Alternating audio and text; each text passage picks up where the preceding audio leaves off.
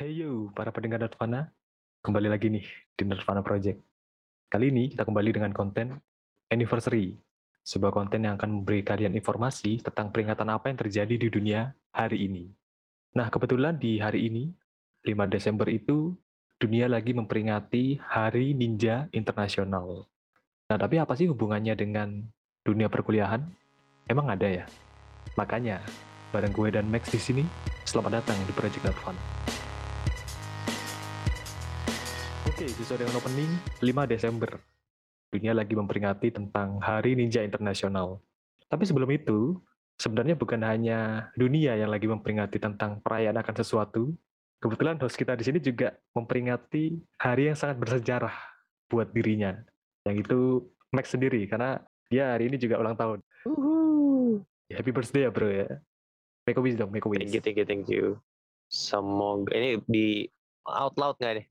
Gak tahu sih. ya kalau dalam hati juga gak apa-apa sih, biar kita nggak tahu juga. ya udah, nanti di cut ya guys untuk berdoa dalam hati. ya udah deh.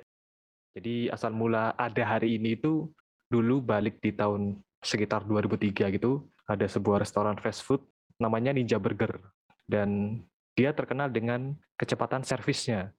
Jadi mungkin kalau lu bisa bayangin, buka pintu, duduk, tahu-tahu udah ada burger depan, saking cepetnya. Padahal belum pesen. Padahal belum pesen, tiba-tiba aja ada. Puff. Nah, terlepas dari itu semua, kita itu tumbuh dan berkembang dengan pengetahuan akan ninja. Dari dulu tuh kita sering banget tuh nonton soal hal-hal yang berbau dengan ninja. Kayak misalnya dulu ada yang namanya Ninja Hattori. Mendaki gunung, lewati lembah. Walaupun sekarang artinya agak ini ya, agak bergeser. Lu aja ngeser. Kagak. Gue banyak lihat komen begituan di akun-akun TikTok gitu. Artinya beda. Pas gue lihat uh, mana lembahnya, agak beda aja ya, di, gitu. di situ. Ada lagi Naruto yang terkenal akan ini jalan ninjanya yang baru-baru ini habis di nerf. Brengsek emang. Yo yo. yo. Kesel gue. Terus juga ada Ninja Turtle, kura-kura ninja. Bahkan sampai ada juga booming juga di Indonesia. Ninja Warrior, segerombolan orang berlomba-lomba untuk menjadi ninja. Yoi. Apa ya, pengaruh ninja itu sangat masif sih. Karena kita tumbuh besar dengan itu. Tapi semakin ke sini, gue semakin sadar kalau ternyata ilmu ninja itu ternyata kebawa di kehidupan kita sehari-hari. Salah satunya skill yang paling terkenal dari ninja itu kan skill menghilang ya. Entah itu pakai bom asap, atau pakai kayak kain terus kamuflase dengan lingkungan sekitar lu. Jadi di dinding atau di pohon itu loh. Dan ternyata itu kita menerapkan itu selama kuliah gitu loh. Yaitu skill menghilang dalam pengerjaan skripsi. Kenapa sih mahasiswa itu selalu mengeluarkan skill ini ketika mengerjakan skripsi? Dan apa sih yang akhirnya membuat kita berdua kembali muncul dan melanjutkan skripsi kita? Kalau buat Hmm. gue pribadi nih, alasan gue menghilang yang paling utama itu karena gue takut. Takut ditanya sejauh mana progres yang udah lu kerjakan sebenarnya. Jadi Hmm. Skill menghilang ini gue pakai sebagai excuse sih, sebagai alasan untuk menunda. Hmm. Pinginnya sih seminggu dulu istirahat, rehat gitu kan, bebas dari skripsi. Terus lanjut sampai dua minggu, sebulan, tiba-tiba keterusan sampai satu tahun dong. Jadi gue Hobi menghilang ya. selama hampir setahun. Itu antara semester 8 sampai semester 9. Itu terjadi ketika gue udah dapat dosen pembimbing dan skripsi gue udah diterima. Jadi gue udah bisa kerja bab 1, bab 2, dan bab 3. Hmm. Nah kalau lu sendiri waktu kapan mengeluarkan skill menghilang ini? Jadi ilmu genjutsu ini saya pelajari ya. Jadi begitu di ACC dapat dosen pembimbing, dapat bimbingan sekali kalau nggak dua kali deh. Habis itu udah puff keluarlah bom asam. Eh bom asap, Kok asam sih. Asem Bom sih? asap tahu. Bom asapnya keluar terus gue menghilang selama kayaknya sih setengah tahun deh. Kayak satu semester gitu hampir nggak pernah muncul di kampus. Apa lu sama kayak gue? Apa maksudnya kayak takut ditanya tentang progres lu sejauh mana atau emang lu waktu itu nggak punya Hmm. ide jadi ya udahlah siapa tahu setahun ke depan gue punya ide Enggak juga sih kalau gue beda alasannya. kenapa lu? Kalau gue tuh ada beberapa alasan. Salah satunya dosen gue tuh agak agak susah ketemu. Jadi kan masih semangat tuh awalnya tuh, kayak minta ACC dan sebagainya. Mhm. Cuma karena dosennya juga agak susah ditemuin, akhirnya malas juga dong. Ngapain gue, eee, kayak bolak-balik ke kampus tapi nggak ada hasilnya gitu. Jadi kayak, ya kayak males aja jadinya gitu. Kedua, karena ya seperti yang mungkin kalian sudah mendengarkan sebelum-sebelumnya, kalian tahu kalau gue bekerja part-time waktu itu dan udah enjoy aja sih waktu itu, kerja dan mencari uang gitu. Jadi kayak terlupakan gitu skripsinya. Alasan yang ketiga itu adalah sebetulnya gue jenuh waktu itu. Ya bayangin aja kita udah apa ya, sebetulnya kan udah nyiapin skripsi dari semester 7 kan. Semester 7 tuh udah mulai nyiapin. Jadi data-datanya yang dilihat ya itu terus gitu kan. Sebetulnya kalau di begitu dikerjain, nggak kerasa, tapi kan memang bagian terberat dari semuanya adalah memulai. Jadi gue baru ngelihat itu aja udah males gitu loh, ngelihat bab 1, bab 2, bab 3 kan kelihatan banyak gitu. Ya udah, akhirnya di ditinggal lah itu selama setengah tahun. Oke, tapi waktu itu pekerjaan skripsi lu itu bareng sama gue nggak sih? Maksudnya dalam periode rentang waktu yang sama nggak sih? Enggak ya? Kayaknya gue dulu ya harusnya ya. Gue lupa sih, kayaknya lu di ACC dulu deh. Gue agak gue menghilang duluan. itu. Terus lu tiba-tiba ikutan. Gue belajar Tapi juga skill. emang bener sih. Kebanyakan rata-rata ya. Ya nggak semua sih, tapi banyak. Hmm. Mahasiswa atau mahasiswi di semester 8, 9 itu kebanyakan Delap mereka menghilang. Mhm. Terbukti juga nggak cuma kita berdua yang menghilang. Banyak dari teman kita juga menghilang. Dan itu juga terjadi di semester-semester bawah kita gitu loh. Waktu gue udah di semester eh, 10 kayaknya, udah ya udah emang mau lulus kan. Terus ngelihat Hmm. ada adik-adik tingkat kita yang ngerjain skripsi, ya problemnya juga sama. Mereka juga hilang aja gitu. Entah Hmm. dengan alasan apa pun. Bedanya mungkin ada di rentang waktunya, di periodenya. Ada yang hilang Betul. cuma sebulan, ada yang cuma eh, dua bulan, ada juga yang satu semester, ada juga yang keterusan sampai empat tahun. Yoi, yoi. Nagih. Bisa gitu ya, keterusan tapi bertahun-tahun gitu loh. Nah terus akhirnya apa yang membuat lu kembali muncul ya untuk melanjutkan skripsi ini? Tersadar ya bahwa ya menghilang itu tidak menyelesaikan masalah. Maksudnya kan sebetulnya sih gue dulu pengen cepet-cepet gitu, pengen cepet-cepet selesai. Cuma ya kalau gue begitu ya mana mungkin bisa selesai cepet. Kan akhirnya oh ya udah emang harus mulai lah istilahnya kalau kalau nggak mulai-mulai mau sampai kapan gitu kan? Apakah mau jadi masyarakat tujuh tahun itu kan tujuannya kan pengen selesai ya udah selesain gitu. Begitu dikerjain pun nggak begitu kerasa sih sebetulnya. Cuma karena mulainya aja agak berat. Tapi itu kan apa ya dari dalam diri lu sendiri kan. Ada nggak faktor Hmm. yang dari luar? Misalnya orang rumah nanyain atau tiba-tiba lu ketemu dosen di jalan nanyain gitu. Maksudnya faktor-faktor luar yang apa ya menampar lu agar kembali lagi gitu. kembali muncul. Woi udah kelamaan lu. tamparan terbesar adalah uang ya. Karena kan Iya, gue iya. dulu dapat Iya, ini iya, ya iya. beasiswa kan. Nah beasiswa itu setelah empat tahun habis coy. Jadi udah expired. Jadi sisanya lu bayar sendiri. Minimal gue dulu kan ya kerjanya ya part time gitu. Kalau dipikir-pikir, kalau gue begini terus, duit gue habis buat bayar SPP dong. Tapi kalau untuk Tamparan dosen lebih. sendiri atau yang paling dekat orang rumah lah ya. Hmm. Nanyain juga gak sih? Maksudnya kayak kapan nih kelar skripsi lu atau kira-kira kapan nih wisuda gitu.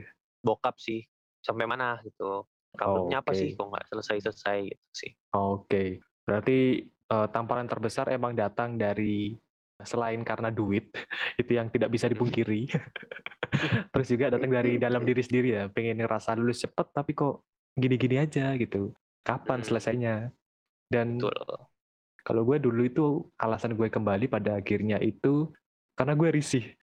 Karena setiap temen yang ketemu gue itu selalu nanyain. Jadi kayak si dosen pembimbing gue itu dia kayak titip pesan ke setiap temen di angkatan kita waktu itu 2014 Mhm. itu untuk nanyain itu ke mana.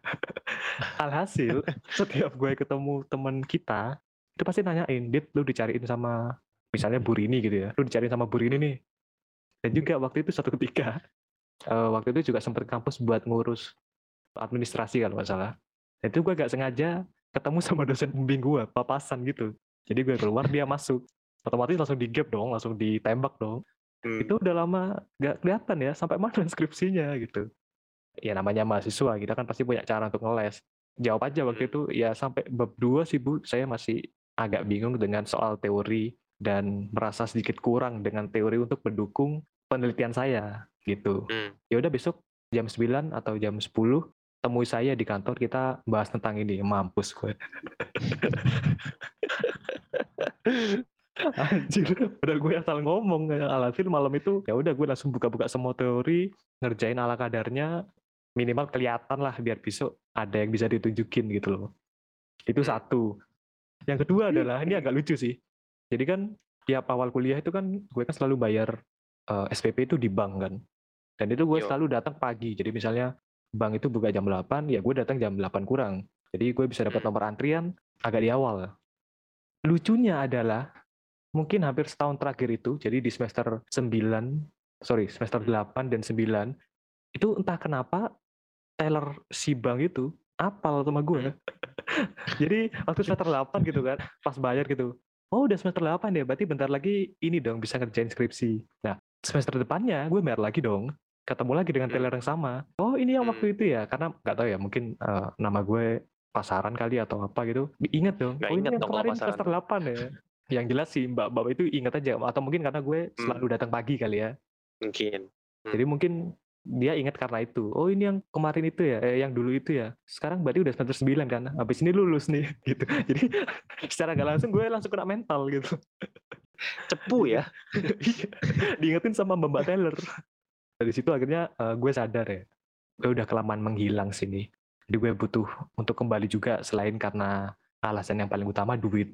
Karena yang bayar SPP gue kan waktu itu kan ya orang tua kan, bukan gue gitu Hmm. loh. Jadi daripada duit gue untuk membayar SPP ini gitu kan, yang mana tahun depan itu adik gue juga mau kuliah. Daripada bayarnya double-double gitu kan, ya udahlah gue kelarin duluan.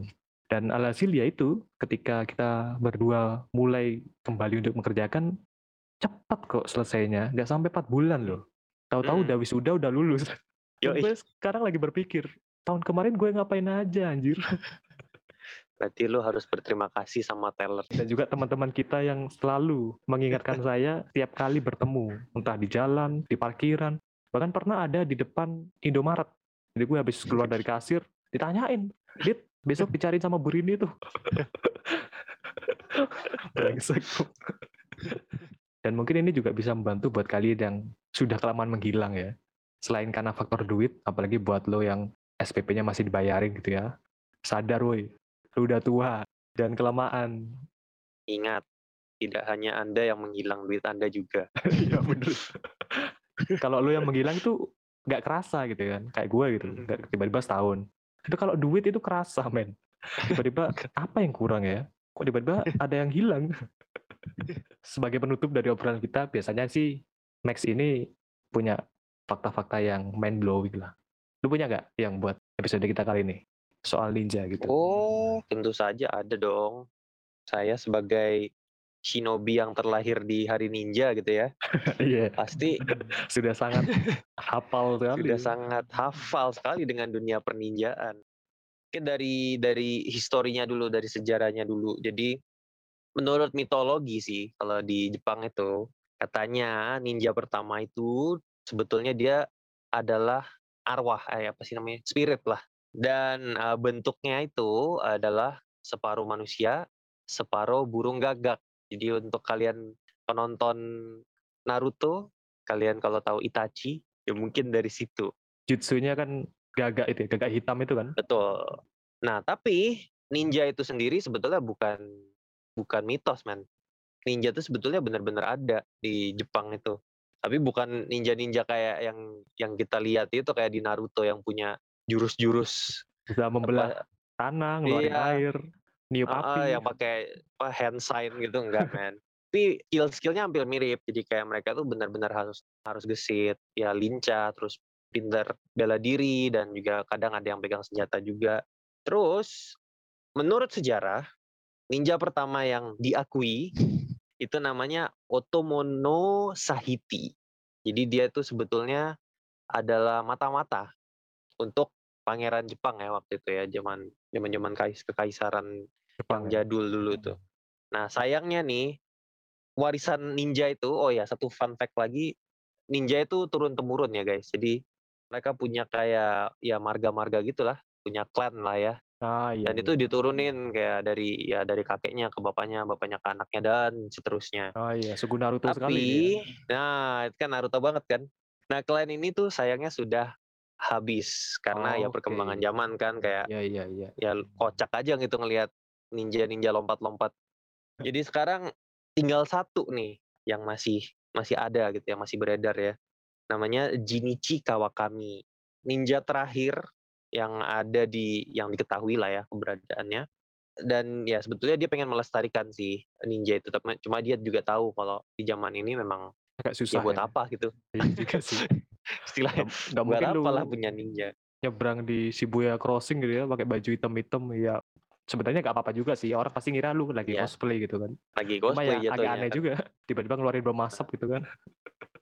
Iya iya iya. Itu dia. Dan teknik ninja itu dipelajari guys. Jadi nggak cuma Iya asal iya. aja lu menyebut diri sendiri ninja, harus ada sekolahnya. Nah, itu berkaitan dengan fakta yang terakhir. Jadi, sebetulnya ninja itu atau akademi ninja kayak di Naruto kan ada tuh akademi ninja. Nah, itu awalnya itu didirikan oleh em, seorang samurai ya yang dia itu istilahnya gugur atau kalah lah dalam peperangan. Terus kan kalau dulu samurai kalau malu gitu ya kan mereka melakukan harakiri itu kan yang bunuh diri tuh. Iya iya benar. Nah, tapi si orang ini nih dia nggak harakiri. Jadi sebagai gantinya dia mengabdikan sisa hidupnya itu untuk mengajar. Mengajar apa? Mengajar ini, mengajar tentang bagaimana menjadi ninja. Jadi awalnya dari Oke. situ. Kemudian Oke. diteruskanlah Warisan itu ya. gitu. Oke, kalau Yoi. di kita ada ruang guru, kalau di sana mungkin ada ruang ninja. Sama-sama mengedukasi. Oke, jadi mungkin itu ya sedikit fakta-fakta tentang ninja. Jadi pesan kita buat kalian yang sekarang lagi dalam fase atau mode menghilang, segeralah sadar. Karena selain umur, juga duit. Karena biasanya kalau di fase ini tuh rata-rata mahasiswa udah nggak kuliah atau cuma mengulang. Yang mana mengulang paling cuma beberapa mata kuliah kan nggak banyak. Jadi agak sedikit nggak balance lah pengeluaran dan eh, apa yang lu dapatkan. Jadi segeralah kembali karena menghilang itu tidak baik lah, tidak menyelesaikan keadaan. Seperti yang kata Max barusan, kalau lu gini-gini terus, kapan selesainya? Tahu-tahu tujuh tahun aja Betul. lu. Jadi terima kasih lah buat Max yang udah mau berbagi cerita. Selamat ulang tahun juga buat lu di hari ninja ini. Thank you, thank you. Oke, dan juga terima kasih buat kalian yang sudah mendengarkan kita sampai di detik ini.